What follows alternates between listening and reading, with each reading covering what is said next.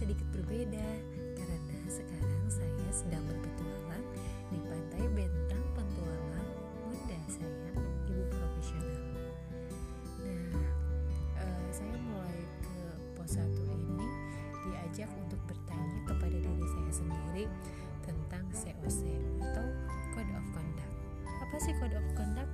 Code of Conduct itu adalah semacam aturan atau tata perilaku yang harus ditaati oleh member ibu profesional. Nah, mari kita mulai menganalisis karena tugasnya menganalisis. Mari kita menganalisis. Analisisnya ada 3B. Yang pertama benar, yang kedua baik, yang ketiga bermanfaat. Oke, kita mulai dari benar. Sekarang saya menjadi member IP. Apakah saya sudah menjalankan COC dengan benar? Jujur saja, ketika saya diingatkan kembali dengan COC ini, ada insight tersendiri yang berbeda dari sebelumnya. Jika mengukur saya di masa yang lalu, maka jawabannya belum sepenuhnya. Tapi saya bertekad untuk mengamalkan COC ini lebih baik dan dengan sebenar-benarnya. Terus yang kedua, baik. Apakah saya sudah menjalankan COC ini dengan baik?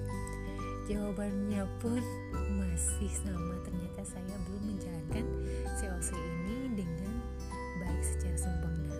Saya baru menyadari juga bahwa silent reader itu adalah suatu hal yang tak baik dipelihara.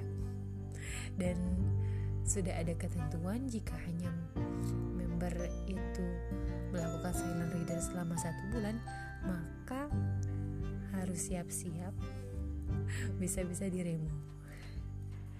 Terus yang ketiga tentang kebermanfaatan. Apakah saya sudah se, se, selama menjadi member IP apakah sudah saya sudah menebarkan banyak kebermanfaatan? Nah, ini dia. Saya berharap dengan saya mengikuti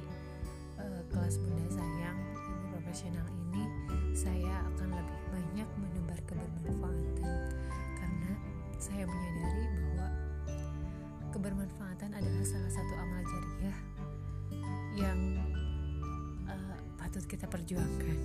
Gitu mungkin. Jadi uh, saya akan berusaha menebarkan kebermanfaatan sesuai dengan kemampuan saya sesuai dengan kelebihan yang telah Allah berikan kepada saya.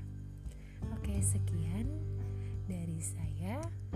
Dan semoga saya bisa lulus di kelas Bunda Sayang Ibu Profesional. Yeay, bismillah karena tahun-tahun yang lalu saya pernah ikutan juga Bunda Sayang cuma karena ada sesuatu hal jadi saya tidak bisa menyelesaikannya secara penuh.